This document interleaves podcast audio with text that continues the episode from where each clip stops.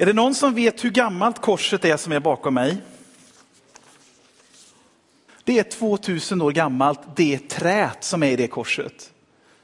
Det hittades i älven här i Lidköping som en jättestor ekstock och togs om hand och torkades och sågades ut. Så att ungefär några år efter Jesus föddes, för Jesus föddes ju fem, sex år före sig själv, alltså före år noll, eh, så kom det här trädet till. Alltså, de är i samma ålder. Det är rätt fantastiskt. Så är det. Vi ska läsa ifrån Matteus 28 idag. Efter sabbaten i gryningen, den första veckodagen, så kom Maria från Magdala och den andra Maria för att se på graven. Då blev det ett kraftigt jordskalv, ty Herrens ängel steg ner från himlen och kom och rullade undan stenen och satte sig på den. Hans utseende det var som blixten och hans kläder det var vita som snö.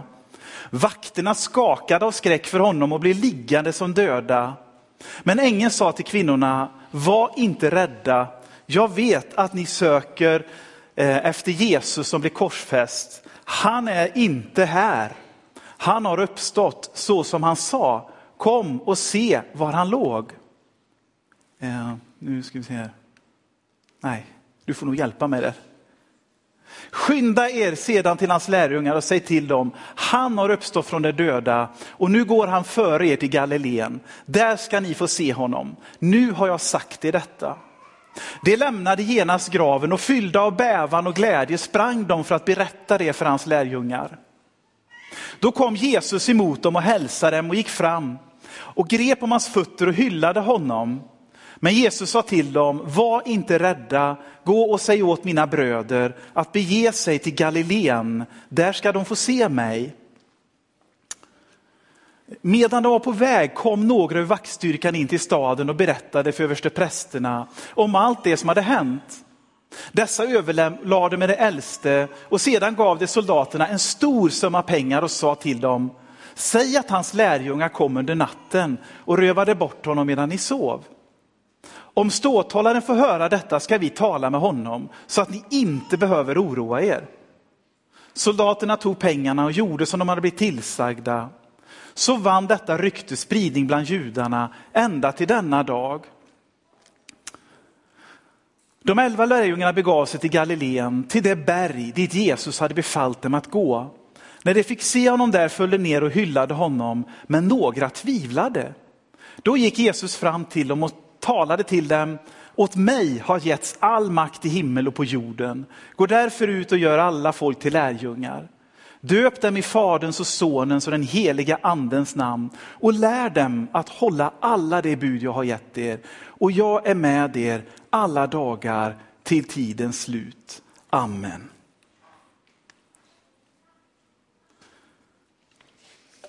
Inte nu igen, skulle någon kunna säga. Det här är andra jordskalvet på tre dagar. Vad är det som håller på att hända? För några dagar sedan blev himlen alldeles mörk och det gick rykten om att de som var döda hade kommit in i staden. Någon som jobbar i templet berättar att det där otroligt mäktiga och nästan en decimeter tjocka förhänget in till det allra heligaste har brustit mitt i tu. Och vakter som är tränade för strid och tränade att inte bli oroliga och ängsliga har flytt i panik.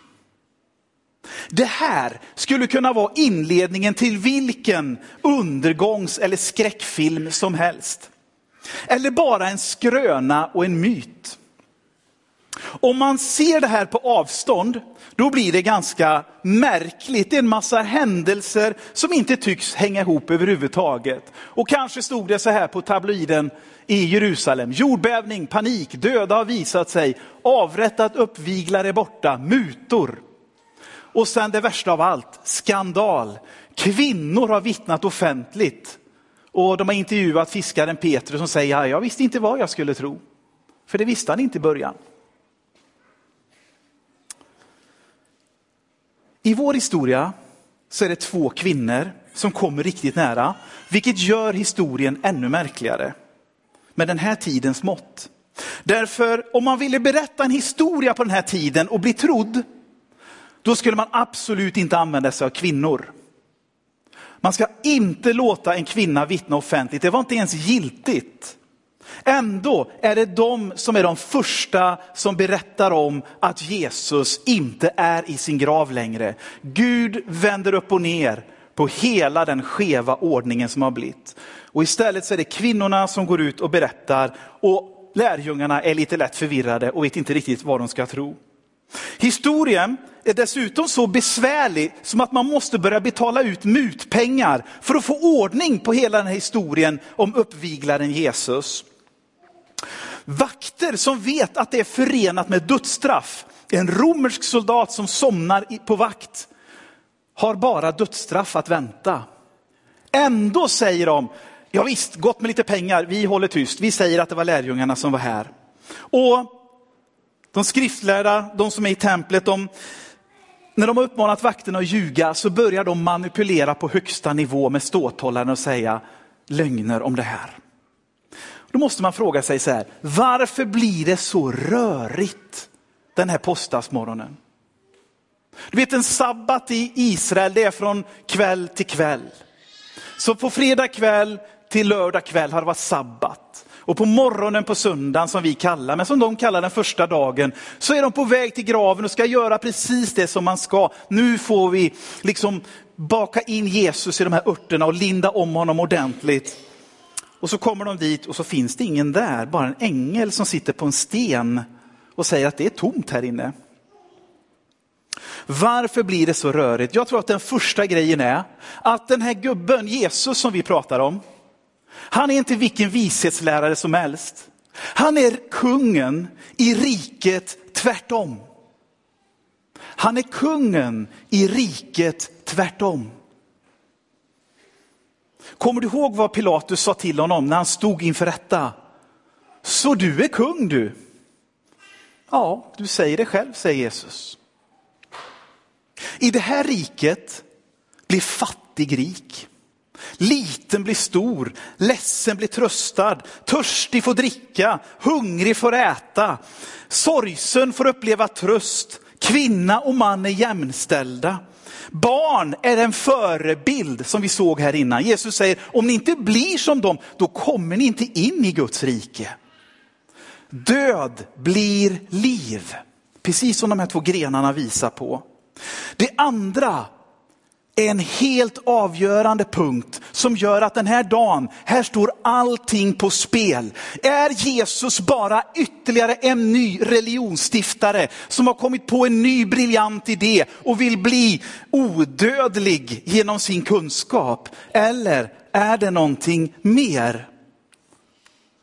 Paulus skriver i första Korintierbrevet 15 och 17 men om Kristus inte har uppstått, då är er tro meningslös. Med andra ord, vi kan gå ut härifrån nu, låsa, slänga nyckeln i älva och gå hem.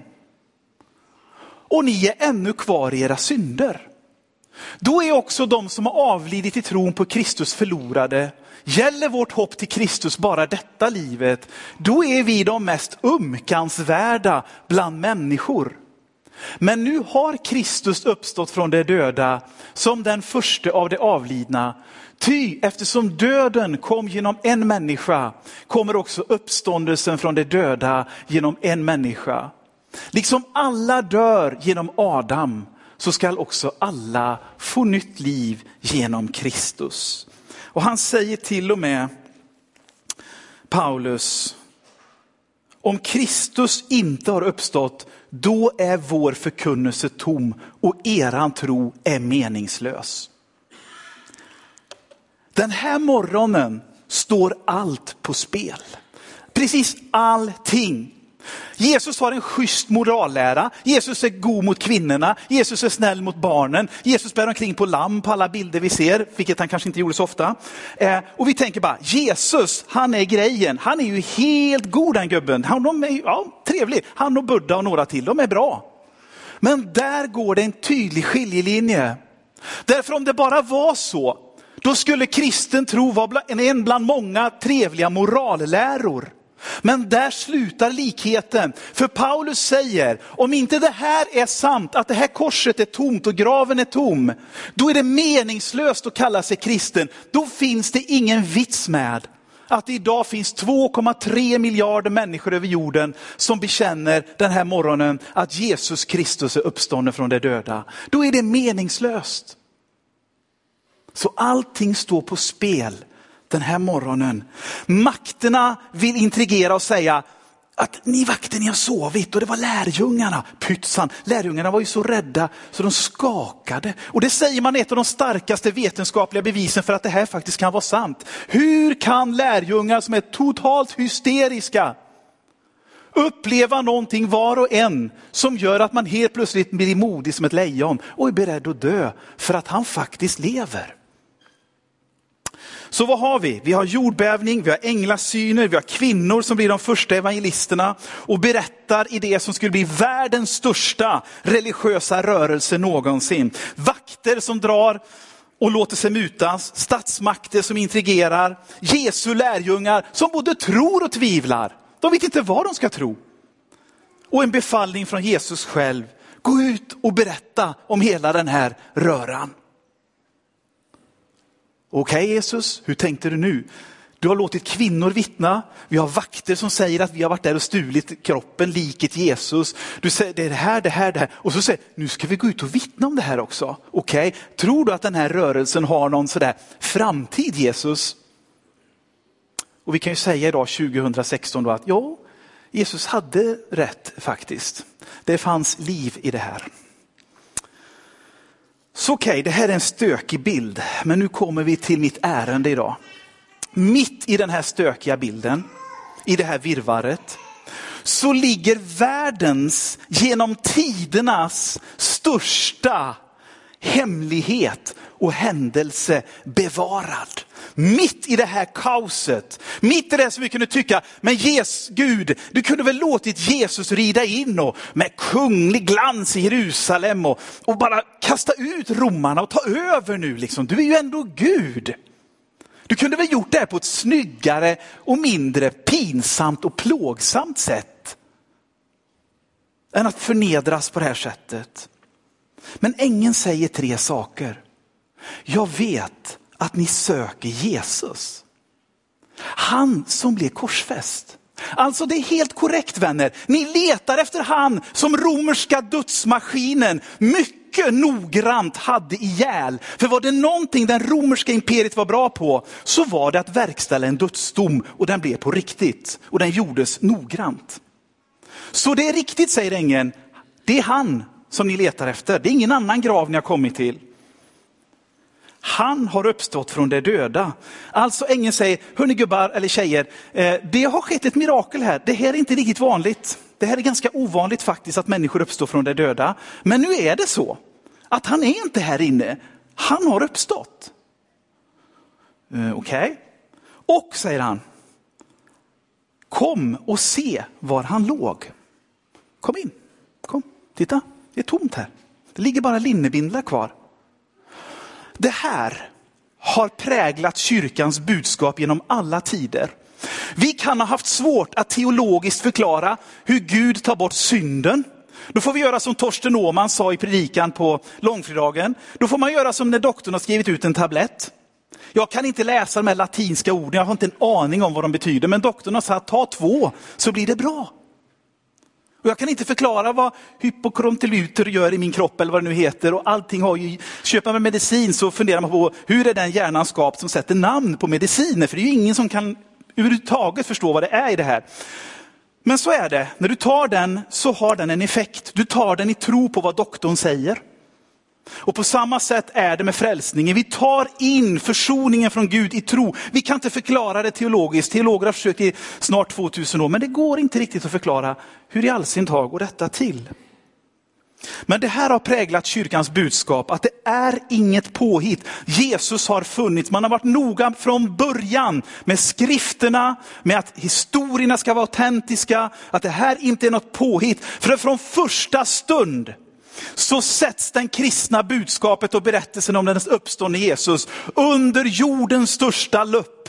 Och varenda litet fel, från det att det var kvinnorna som vittnade till att lärjungarna var hysteriska och hallucinerade, har man försökt dra fram som bevis. Det här är inte sant, det här är bara påhitt. Det är som vilken skröna som helst. Men det har varit viktigt att veta att romarna på riktigt dödade Jesus. Det är viktigt att veta att det här som sker nu, det är något alldeles extra märkligt och konstigt. Det är inte normalt att människor uppstår från de döda. Och också ett som varit ett signum för den kristna kyrkan alltid. Kom och se själv, pröva själv. Testa själv om det här fungerar. Det här är inget paket du köper för tusentals kronor och så får du lite punkter varje gång och så får du ett bättre liv ju mer de här punkterna du följer. Det här är en tom grav. Där Gud själv, en gång för alla, har brutit syndens börda över hela kosmos. Det är vad det handlar om. Och Bibelns budskap är till dig idag som lyssnar. Kom och se, graven är tom.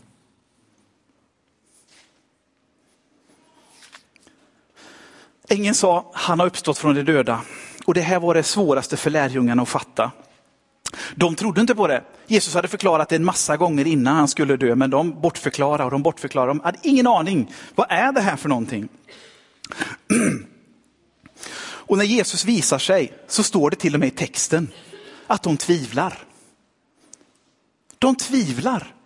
Och det kan jag säga, att om du har diktat ihop en historia som du vill få trodd och som kanske inte är helt sann, då tar du inte med folk i den berättelsen som säger, vi tror inte på det här riktigt. Då puttar man dem i bakgrunden och säger, tyst med dig nu.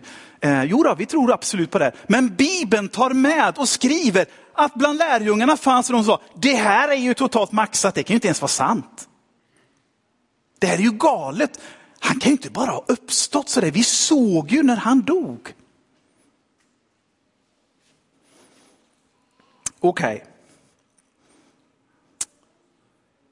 Men det är det här budskapet som får kvinnorna att vittna. Makten att muta och intrigera. De första lärjungarna att börja lyda Jesu missionsbefallning. Utan det här, helt ofattbara, skulle Jesu lära vara precis som vilken lära som helst, bara en i raden av goda läror. Men i hans uppståndelse så ligger själva hemligheten och här kommer den. Paulus skriver i Timoteusbrevet, han har räddat oss och kallat oss med en helig kallelse. Och lyssna nu, inte på grund av våra gärningar utan genom sitt beslut och sin nåd som han skänkte oss i Kristus Jesus redan före tidens början. Men som har blivit uppenbar nu när vår frälsare Kristus Jesus har trätt fram. Frälsare betyder räddare. Han, och lyssna, har utplånat döden och dragit liv och oförgänglighet fram i ljuset genom evangelium. När gravstenens dörr, det här stora stenblocket rullas undan, när det romerska imperiets sigill som binder stenen mot klippan och som säger den som bryter det här sigillet bryter mot hela romarrikets lagar och ordningar. När det bryts sönder och stenen rullas undan, då är det, när det ljuset bryter fram, då är det det eviga uppståndelselivet för alla människor på hela jorden som någonsin kommer att födas. Oavsett vem du är. Och hela kosmos, hela det som Hubble-teleskopet kan blicka in i. Där bryter livet fram och ljuset rakt in i hela skapelsen. Det har aldrig skett förut, det kommer aldrig ske igen. Det sker den här morgonen när det romerska sigillet krossas och stenen rullas undan och graven är tom och utsprider sig ett ljus som är för Lidköping 2016, som är för våra arbetskamrater, våra grannar, våra släktingar, våra vänner. Det finns inget annat ljus som detta ljus som kommer ut i graven den här morgonen, som förlöser hela skapelsen i ett svep. Paulus säger syndens lön är döden. Men Guds gåva är evigt liv i Kristus Jesus. Så när han kliver fram ur graven som vi sjunger på advent med gåvor, så är det till dig och mig idag. Utan att vi har förtjänat det, skrev Paulus. Utan att vi på något sätt skulle kunna betala för det. Så säger han, varsågod. Här är det eviga livets gåva till dig. Det finns ingen annan religionsstiftare som har kommit med en gåva ur graven av evigt liv till hela mänskligheten.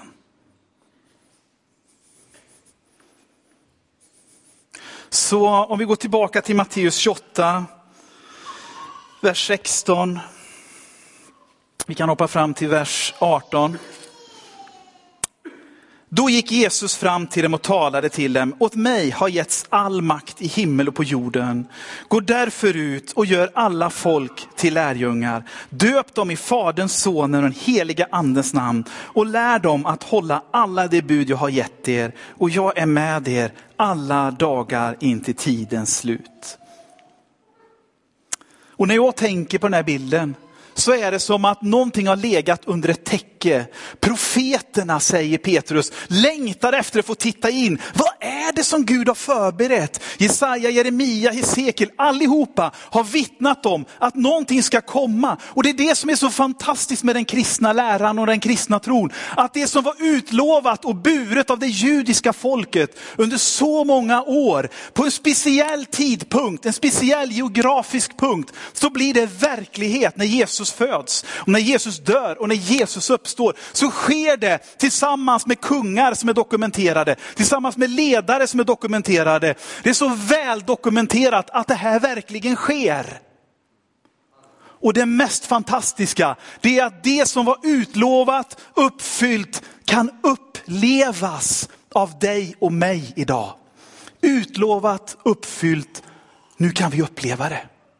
Nu kan du och jag gå in i den där graven som har plågat dig och sagt, du blir aldrig fri, du kommer aldrig bli förlåten, du kan aldrig få förlåtelse. Och sådana synder, nej de finns det ingen förlåtelse för. Oj, oj, oj, nej du vet det där är speciellt Gud speciellt mycket emot. Och vi behöver bara säga, titta på den tomma graven. Där betalades det fulla priset. Och han är inte där längre. Han säger till sina lärjungar, gå ut nu och så berätta om det här. Berätta för alla folk på hela jorden att det är det här det handlar om. Vad betyder det för dig och mig idag?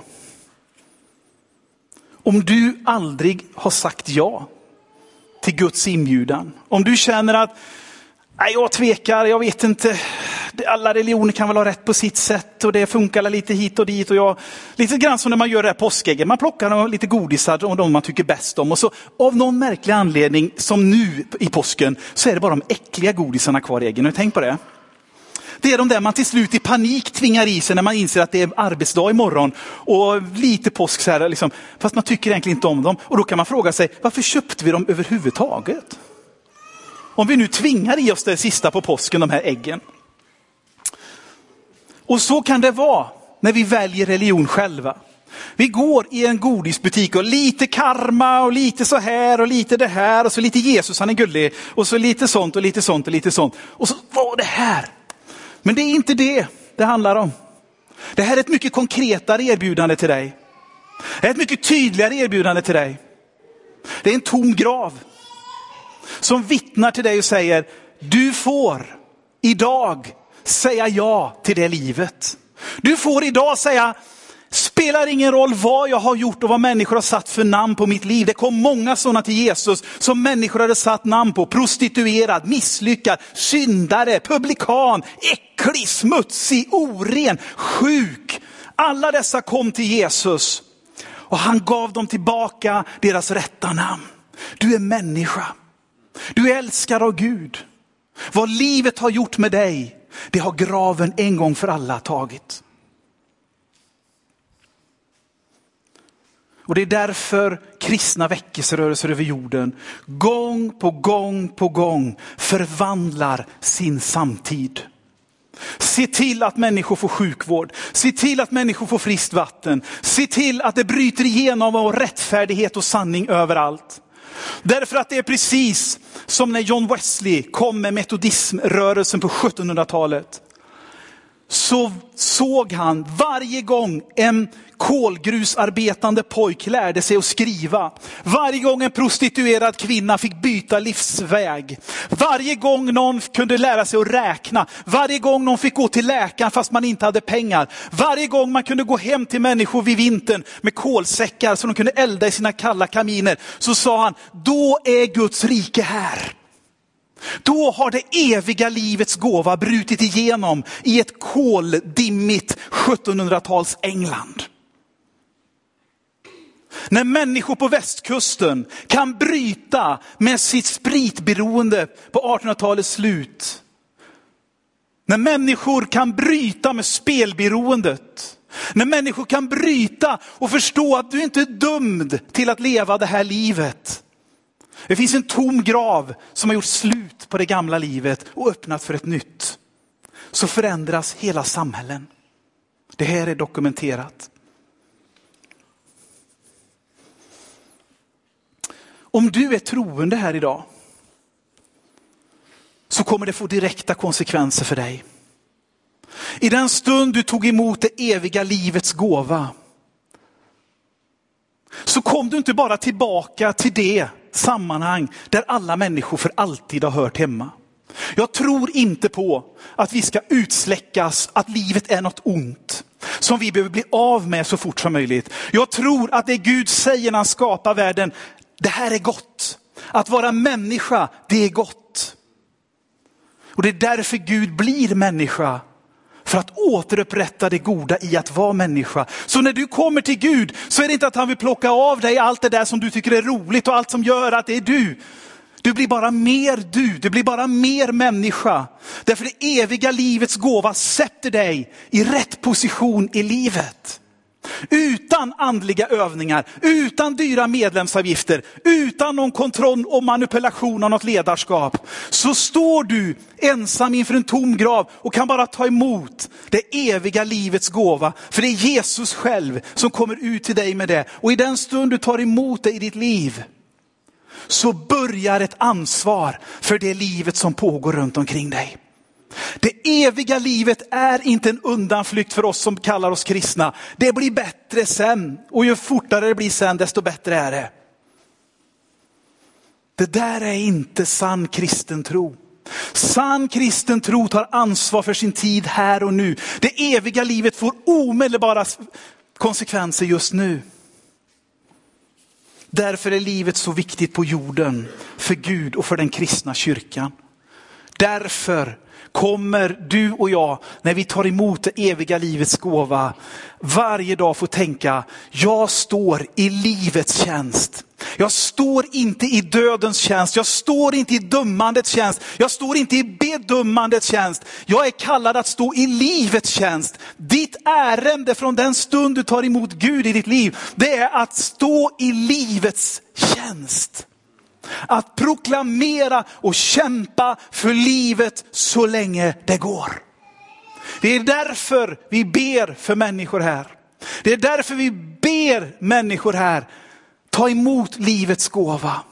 Det är därför vi tror att det behövs kristna politiker, kristna musiker, kristna tv-programledare, kristna journalister, kristna vanliga svennebanan som jag, som bara finns där ute i det som vi kallar Sverige 2016 och berättar om livet.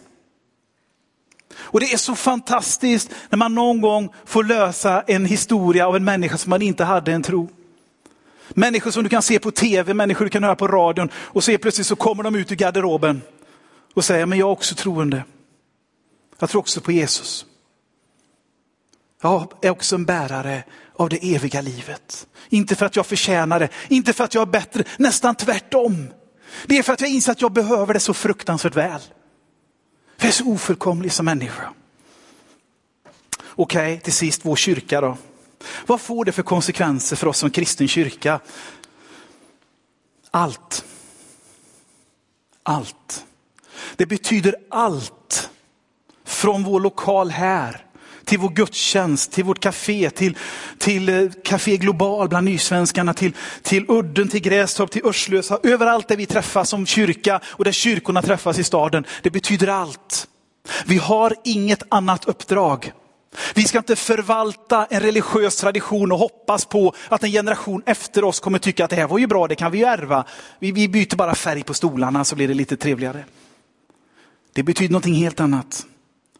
Vi är anförtrodda att i Lidköping 2016 stå i livets tjänst. Allt våra resurser, all vår kraft, all vår gudstjänstliv, alla våra hemgrupper, allt vårt missionsarbete som är ute över världen, second hand, vad det än rör sig om, det handlar om livets tjänst. Allt det här måste ha sitt ursprung i att graven är tom och Gud älskar alla människor och vill överräcka den här gåvan till alla människor.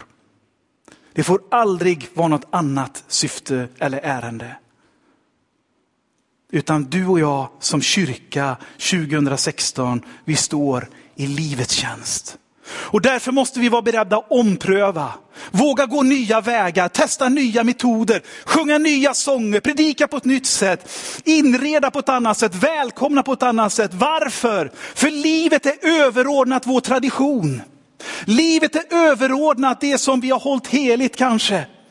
Och sagt, men det är det viktiga.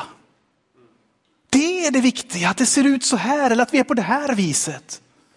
Och Gud säger nej. Det viktiga är att livets gåva får flöda ut till människorna i Lidköping 2016. Himlen väntar och längtar efter fler Lidköpingsbor som får uppleva den tomma gravens kraft. Amen.